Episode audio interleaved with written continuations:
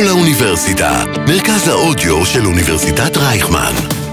כל האוניברסיטה אודיוורסיטי.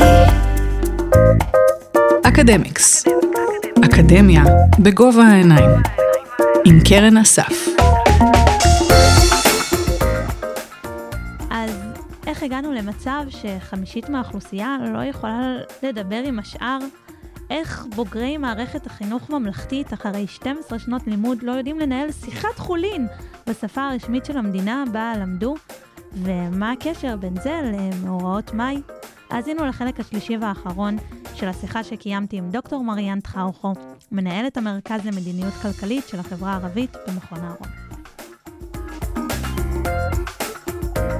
כשאני חושבת על להיכנס לשוק העבודה, אני חושבת על איזשהו תהליך שכולל אה, שליחת קורות חיים, כתיבת קורות חיים, שליחת קורות חיים וראיון עבודה.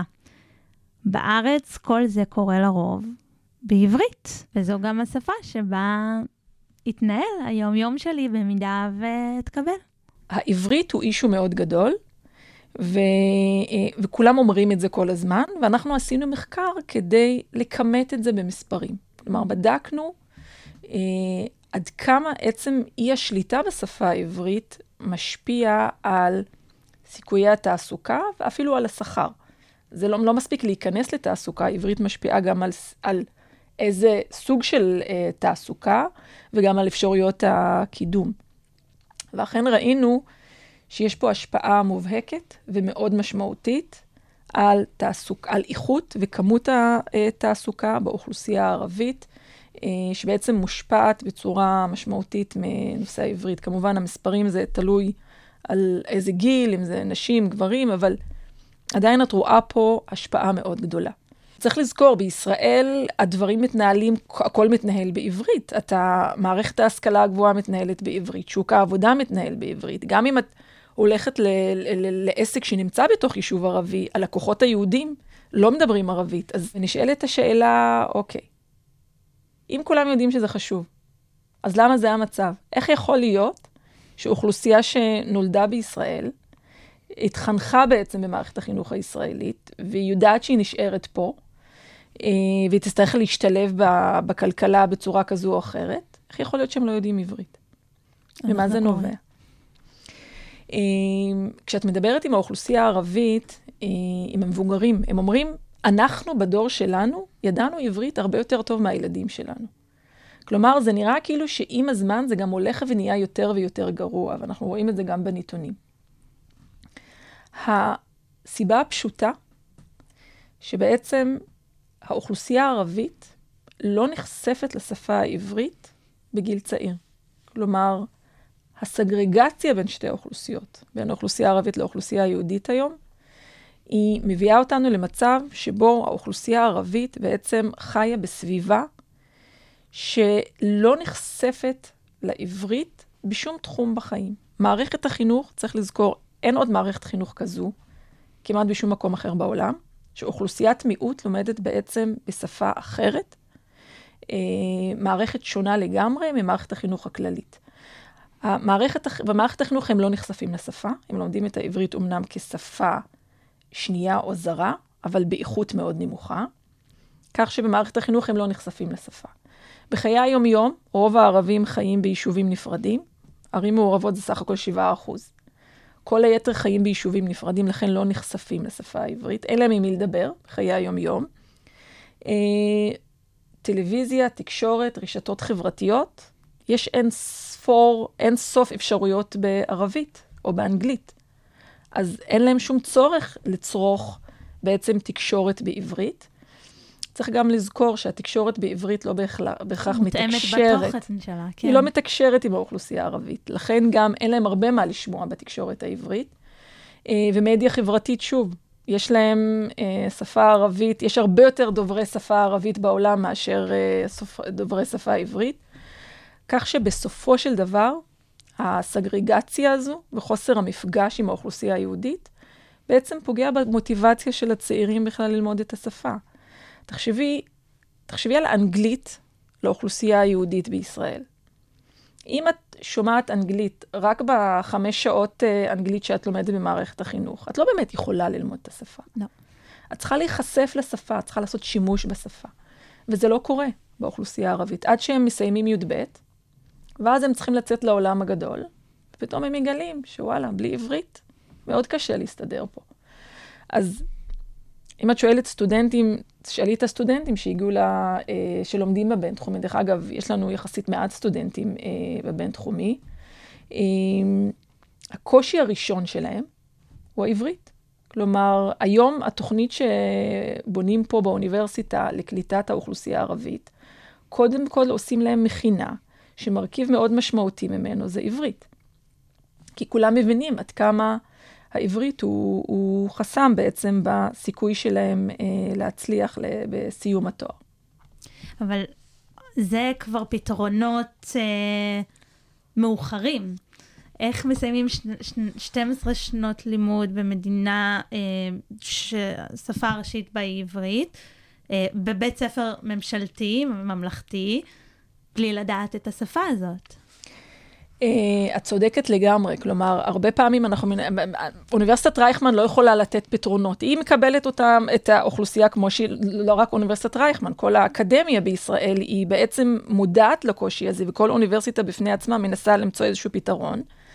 זה לא התפקיד של האקדמיה לפתור את זה. זה, אין שום סיבה שהם יגיעו לגיל 18 כשהם לא שולטים, כשהם כבר למדו 12 שנות לימוד במערכת החינוך. אז זה בעצם אמור להיות התפקיד של מערכת החינוך. דרך אגב, הפורמלית והבלתי פורמלית, לתת מענה אה, לצורך הזה. ואכן, אה, לפני כמה שנים, הנושא כן עלה למודעות של מערכת החינוך, והם כן ניסו לתת איזשהו מענה בתקופתו של אה, בנט כשר חינוך. אה, נעשו צעדים, עדיין לא מספיק, אבל היום אני יודעת להגיד, אני בעצמי מעורבת בתהליך שמערכת החינוך עוברת בעצם, מערכת החינוך הערבית, אה, שמנסה לעשות רפורמה בלימודי העברית במערכת החינוך הערבית. דרך אגב, רפורמה שדומה לרפורמה שמערכת החינוך עברה בנושא האנגלית. צריך לזכור עוד פעם, אנשים שיודעים אנגלית בישראל, זה לא בזכות מערכת החינוך. גם לימודי האנגלית הם לא ברמה גבוהה בישראל, לצערנו. אה, והעברית זה עוד, המצב מבחינת העברית בחינוך הערבי הוא אפילו עוד יותר גרוע. אז הרפורמה שבוצעה ב- בלימודי האנגלית, אנחנו עכשיו, אה, מערכת החינוך בעצם עובדת כדי להעתיק את אותה רפורמה גם ללימודי אה, עברית, כדי לשפר את רמת העברית. אתן לך דוגמה נורא פשוטה. מערכת החינוך עד היום, אין לה כלי למדוד את רמת העברית של תלמידים במערכת החינוך לאורך כל שלבי החינוך. מה זאת אומרת? בודקים הרי, הם גם בודקים את רמת המתמטיקה והמדעים שלך, איך אה, את רמת העברית אי אפשר. אז בואי נדבר על, אה, המבחן היחידי היום לבדיקת רמת העברית במערכת החינוך זה הבגרות. זאת אומרת, בסיום. בסיום. יש איזשהו מבחן בכיתה ו' שהם עושים, אבל הוא לא באמת מדד שאומר לי מה רמת העברית של מי שעבר את המבחן הזה. המבחן היחיד הוא, הוא, הוא, הוא, הוא הבגרות, ולצערנו הרב, גם הבגרות היא לא, היא לא רלוונטית. כיוון, גם מבחינת הפדגוגיה, גם מבחינת התוכן, וגם מבחינת אה, דיבור, קריאה לעומת כתיבה, עד היום רוב הדגש היה על כתיבה וקריאה, mm-hmm. כמעט כלום אה, מבחינת הדיבור, וזה חלק מהרפורמה שמנסים לעשות, וגם התוכן שמלמדים אותם. כלומר, אם את מסתכלת על, אה, אה, על הפדגוגיה של לימודי עברית במערכת החינוך הערבית, את מוצאת שם הרבה הכרת המורשת והתרבות היהודית, אה, תנ"ך, שירה יפה, ביאליק, ואת אומרת לעצמך, הם לא יודעים להגיד משפט בעברית, אז ללמד אותם תנ"ך. זה, כלומר, צריך לעשות שם שינוי באמת אה, משמעותי, ולעשות את לימודי העברית למשהו רלוונטי לחיי היום-יום, לא, לאוכלוסייה הערבית. ועוד משהו שאני אה, כן המלצתי על, אנחנו כן המלצנו על זה בנייר, ולפי דעתי זה מאוד קריטי, שתהיה איזושהי אינטגרציה בתוך מערכת החינוך. ו- אינטגרציה זה אומר שילדים ערבים יפגשו ילדים יהודים לפני גיל 18. כלומר, יש פה שתי אוכלוסיות שלא נפגשות, וזה לא רק עברית. כלומר, יש פה שתי אוכלוסיות שגדלות, שכל אחת שומעת סיפורים על האוכלוסייה השנייה. הם חיים מעבר לגדר, כלומר, את רואה אותם מהבית, ב- ב- ביישוב השכן, את לא יודעת עליהם כלום. וזה נכון לשתי האוכלוסיות. וזה, והתוצאה של זה, זה לא רק שהאוכלוסייה הערבית לא יודעת עברית, יש לזה הרבה יותר משמעויות, הרבה מעבר לזה. צריך לזכור שזה שתי אוכלוסיות שהן גדלות גם על, קונפליקט. על קונפליקט, בדיוק. ובדרך כלל כשאת שומעת על הצד השני, בדרך כלל זה לא דברים חיוביים. אז, אז זה פוגע גם ביכולת אחר כך אה, אה, לחיי, ל, ל, לנהל פה חיי חברה וכלכלה משותפים, ש, אה, שיהיה נעים לכולם לחיות פה, וזה לא המצב כרגע. אז הסיפור של אינטגרציה בגילאים צעירים, מפגש בין שתי האוכלוסיות, בעיניי הוא קריטי. גם, גם לעברית וגם בכלל לשילוב כלכלי וחיים טובים יותר בין שתי האוכלוסיות במדינה. יש בעיה עם זה, כי באיזה שפה יתבצע המפגש? לא מספיק להיות באותו החדר, יהוד. אני לא יודעת ערבית. זאת אומרת, אה, ישימו אותי מישהו שלא יודע עברית בחדר. איזה שיח יהיה? אז תראי, אני תמיד מביאה את הדוגמה של הבן שלי. אני בעצם מכפר קמא, אני צ'רקסית, שפת האם שלי היא לא, היא לא עברית. כלומר, אני עד כיתה ח' לא ידעתי להגיד משפט בעברית. אה, רק אחרי שעברתי אה, לתיכון, תיכון יהודי, אה, התחלתי ללמוד את השפה. הבן שלי גם כן לא ידע עד כיתה ג'. אה, אמנם אנחנו לומדים בעברית, אבל כמו שאמרתי, לא מספיק ללמוד, את צריכה לעשות שימוש בשפה. אה, מתי הוא כן התחיל לדבר עברית? כשהוא הצטרף לקבוצת כדורגל אזורית. יש שם גם אנשים מאצלנו, מכפר קמא, וגם ערבים וגם יהודים. ואז המפגש הזה, דרך הספורט, שהוא נורא אוהב, כלומר, הוא מאוד נהנה מה, אה, מהמשחק ומהאימונים, דרך המשחק הוא למד לתקשר בעברית, והיום אני שומעת אותו מדבר איתם בטלפון עם החברים שלו. זה משהו שהוא לא למד אותו בבית, כי בבית אני לא מדברת איתו עברית. אז ילדים בגיל צעיר, אם את יודעת ליצור ביניהם את האינטראקציה הזו, כמובן, אי אפשר סתם לקחת קבוצות ולערבב אותם, צריך לעשות איזושהי הכנה. ויש תוכניות כאלה, יש כן אה, תוכניות למה שנקרא חיים משותפים וקבוצות משותפות, חלקם אפילו לא מלמדים אותם עברית או ערבית, עושים קבוצות לימוד משותפות במערכת החינוך ללימוד אנגלית. ואז את גם עושה אינטראקציה, וגם זו שפה שהיא לא שפת אם לאף אחד מהצדדים, ואז הרבה יותר קל, בעצם אף אחד לא נמצא בעמדת נחיתות. אז זה אפשרי. זה אפשרי, רק צריך לרצות, וצריך באמת uh, לעבוד כדי שזה יקרה.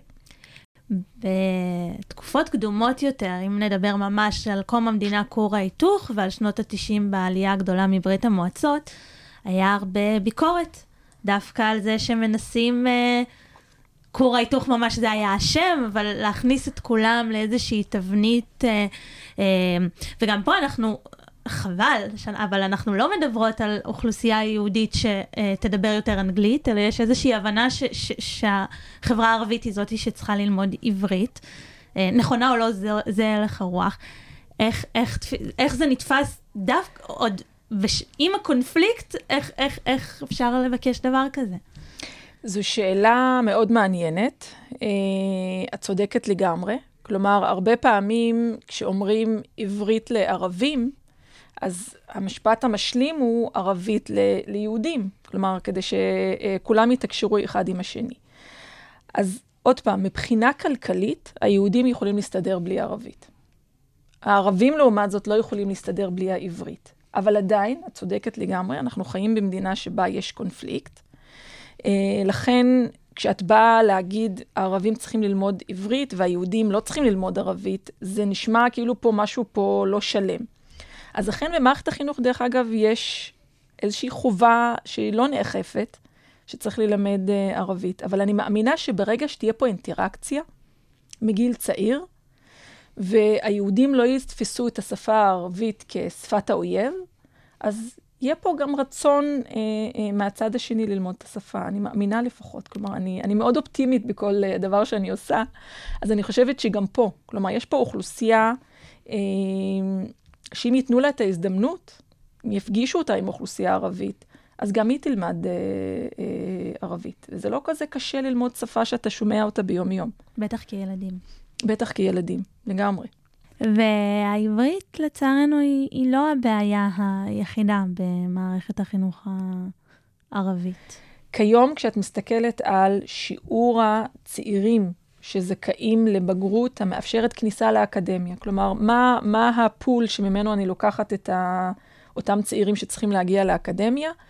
אה, משהו כמו אה, שליש בלבד מהבנים זכאים לבגרות המאפשרת כניסה לאקדמיה, לעומת 57 אחוז מהבנות. כלומר, כדי לסגור את הפער הזה, צריך להתחיל לעבוד על מערכת החינוך הערבית. כלומר, צריך להתחיל לעבוד עם הבנים, בעיקר הבנים, כי שם נמצא האתגר המשמעותי בחברה הערבית, אה, כדי לתת להם את הכלים אה, אה, להיכנס לאקדמיה.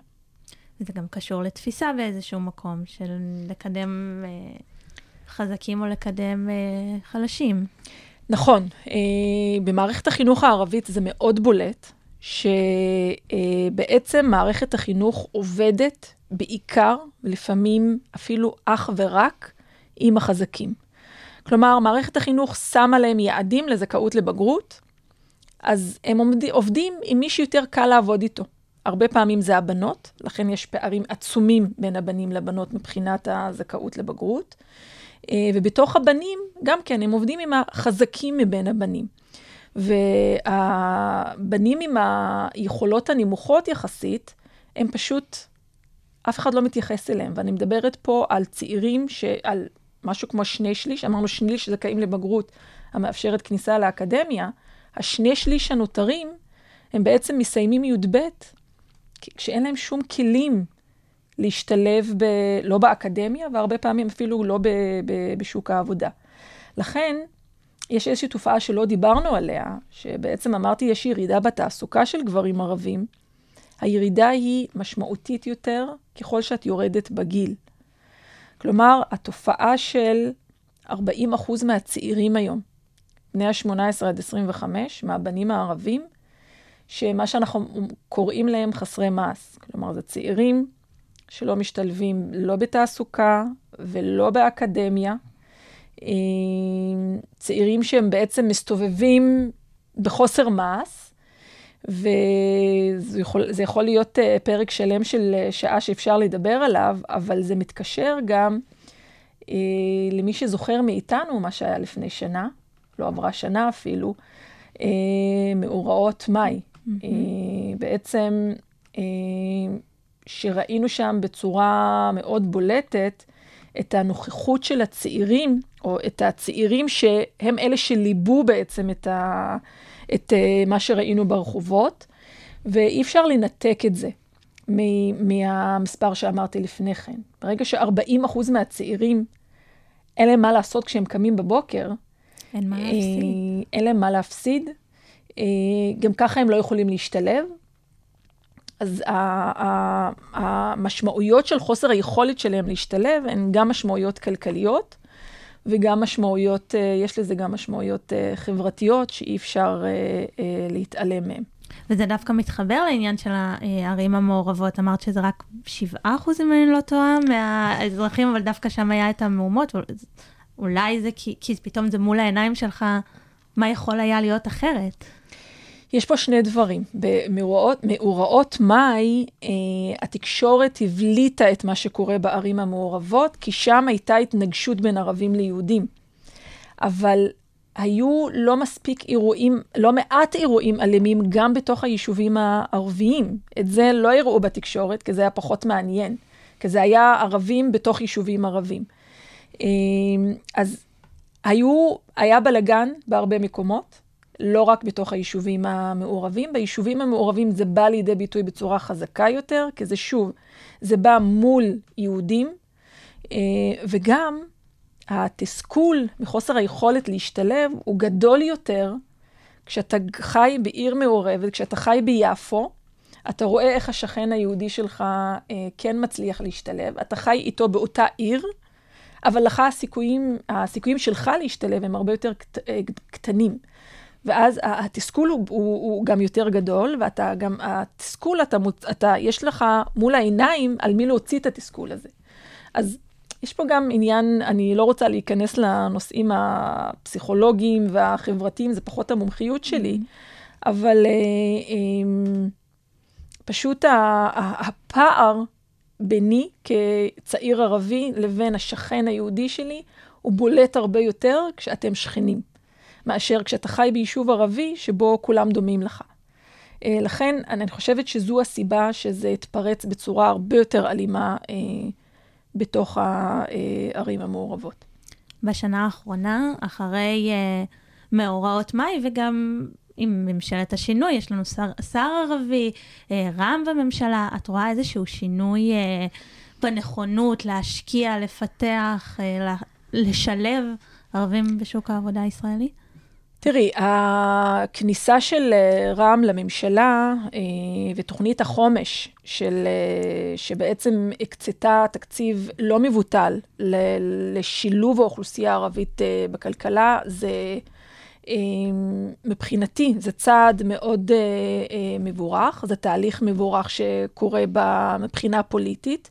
הייתה תוכנית חומש לפני כן, גם בתקופת אה, נתניהו, אבל התוכנית הייתה הרבה יותר קטנה. הייתה בתחילת הדרך שלה, חבלי לידה מאוד קשים. התוכנית לא בהכרח השיגה את, ה, אה, את היעדים מבחינת אה, מה שקורה בשטח. התוכנית הנוכחית מבחינת תקציב היא יותר גדולה. אה, נראה שיש